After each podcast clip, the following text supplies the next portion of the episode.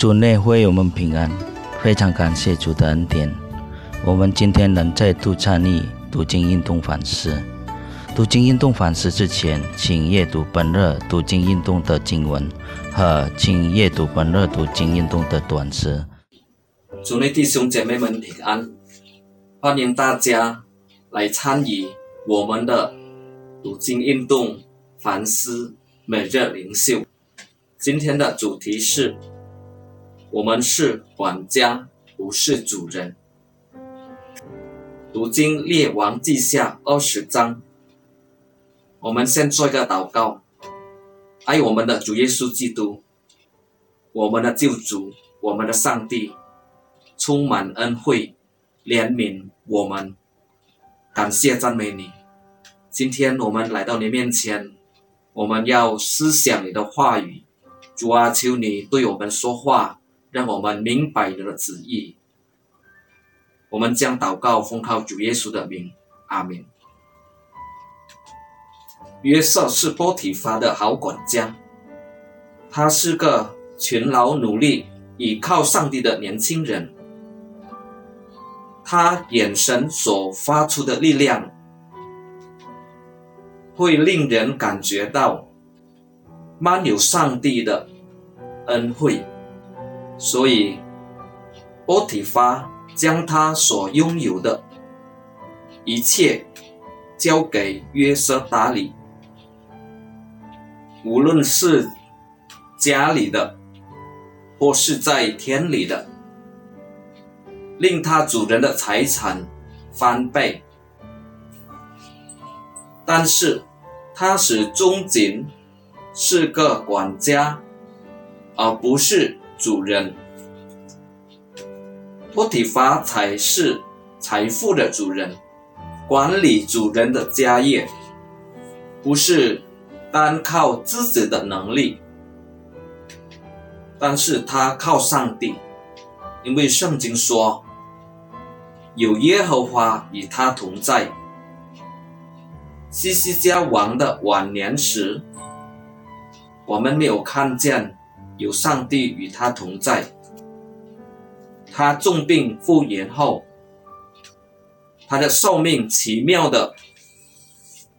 被加增十五年，他的执政时期压速一致是个威胁。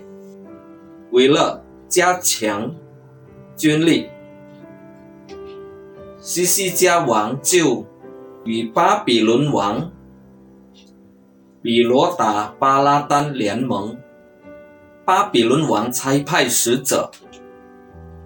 去见西西家王时，他很高兴，然后就炫耀自己宝库所有存的金子、银子、无库的一切军器，并他所有的财宝，在王宫里的一切，和他全国之内没有一样。不给他们看，西西家王忘记了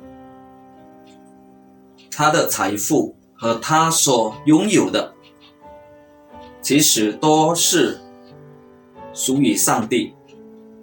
他炫耀他所掌控的一切财产，以为所有都是属于他。其实西西家王。只是被托付去管理那些财物，而不是去拥有。因西西家王的态度，证实了他的骄傲。他以为自己的能干，他不显明上帝的大能。上帝通过以赛亚先知责备他。以后，他家里所有的将要被带去巴比伦，不留下一样。在我们的生活中，如果我们不体贴上帝的心意，上帝是赐福的源头，他是万有之源，万福之本，他是一切的一切。要小心的，我们会变成骄傲，以自己为中心。我们所有的财富是从他而来的，所以我们不可以骄傲，夸耀自己的聪明、自己的能干。上帝阻挡骄傲的人，他赐恩给谦卑的人。若上帝降财物好付我们，要记得我们只是个仆人。我们只是一个管家，我打理着，不是主人。为什么我们不是主人，上帝才只是主人呢？岂不所有的财物都是靠我血换得来的吗？不错。如果上帝没有保佑给我们健康，肯定。今天我们什么都不能干，我们能哪里得到财富呢？我们不要忘记，主耶稣在十字架上舍命流血，已经救赎了我们。我们是用中价买来的，所以在主的面前，我们是个仆人，我们只是个管家。不是主人，所以我们对财富的主人就是我们的主耶稣基督。要忠心，我们要按照主人的心意而行，以财富来荣耀我们的上帝，成为上帝的好管家，被主人所信赖的管家的最大诱惑。是有欲望，从管家成为老板，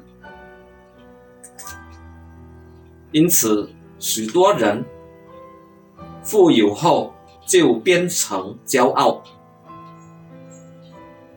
我们需要为所增加的财富感恩，因为我们所有的财富是上帝赐福。给我们的，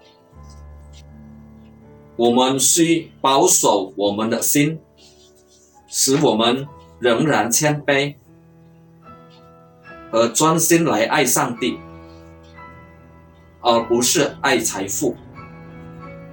求主耶稣帮助我们，让我们仍然谦卑依靠他，在生活常以主为中心。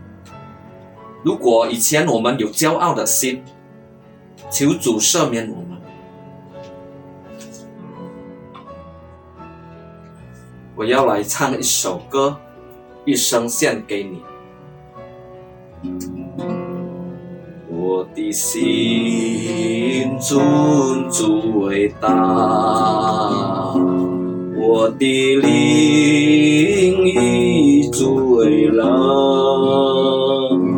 他是我死了，他是我运动，他是我最艰苦避难说。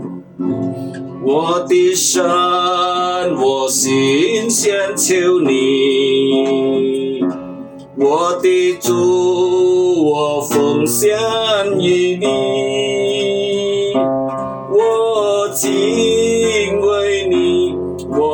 亲爱你，主啊，我一生献给你。我的神，我心先求你。我的主，我奉献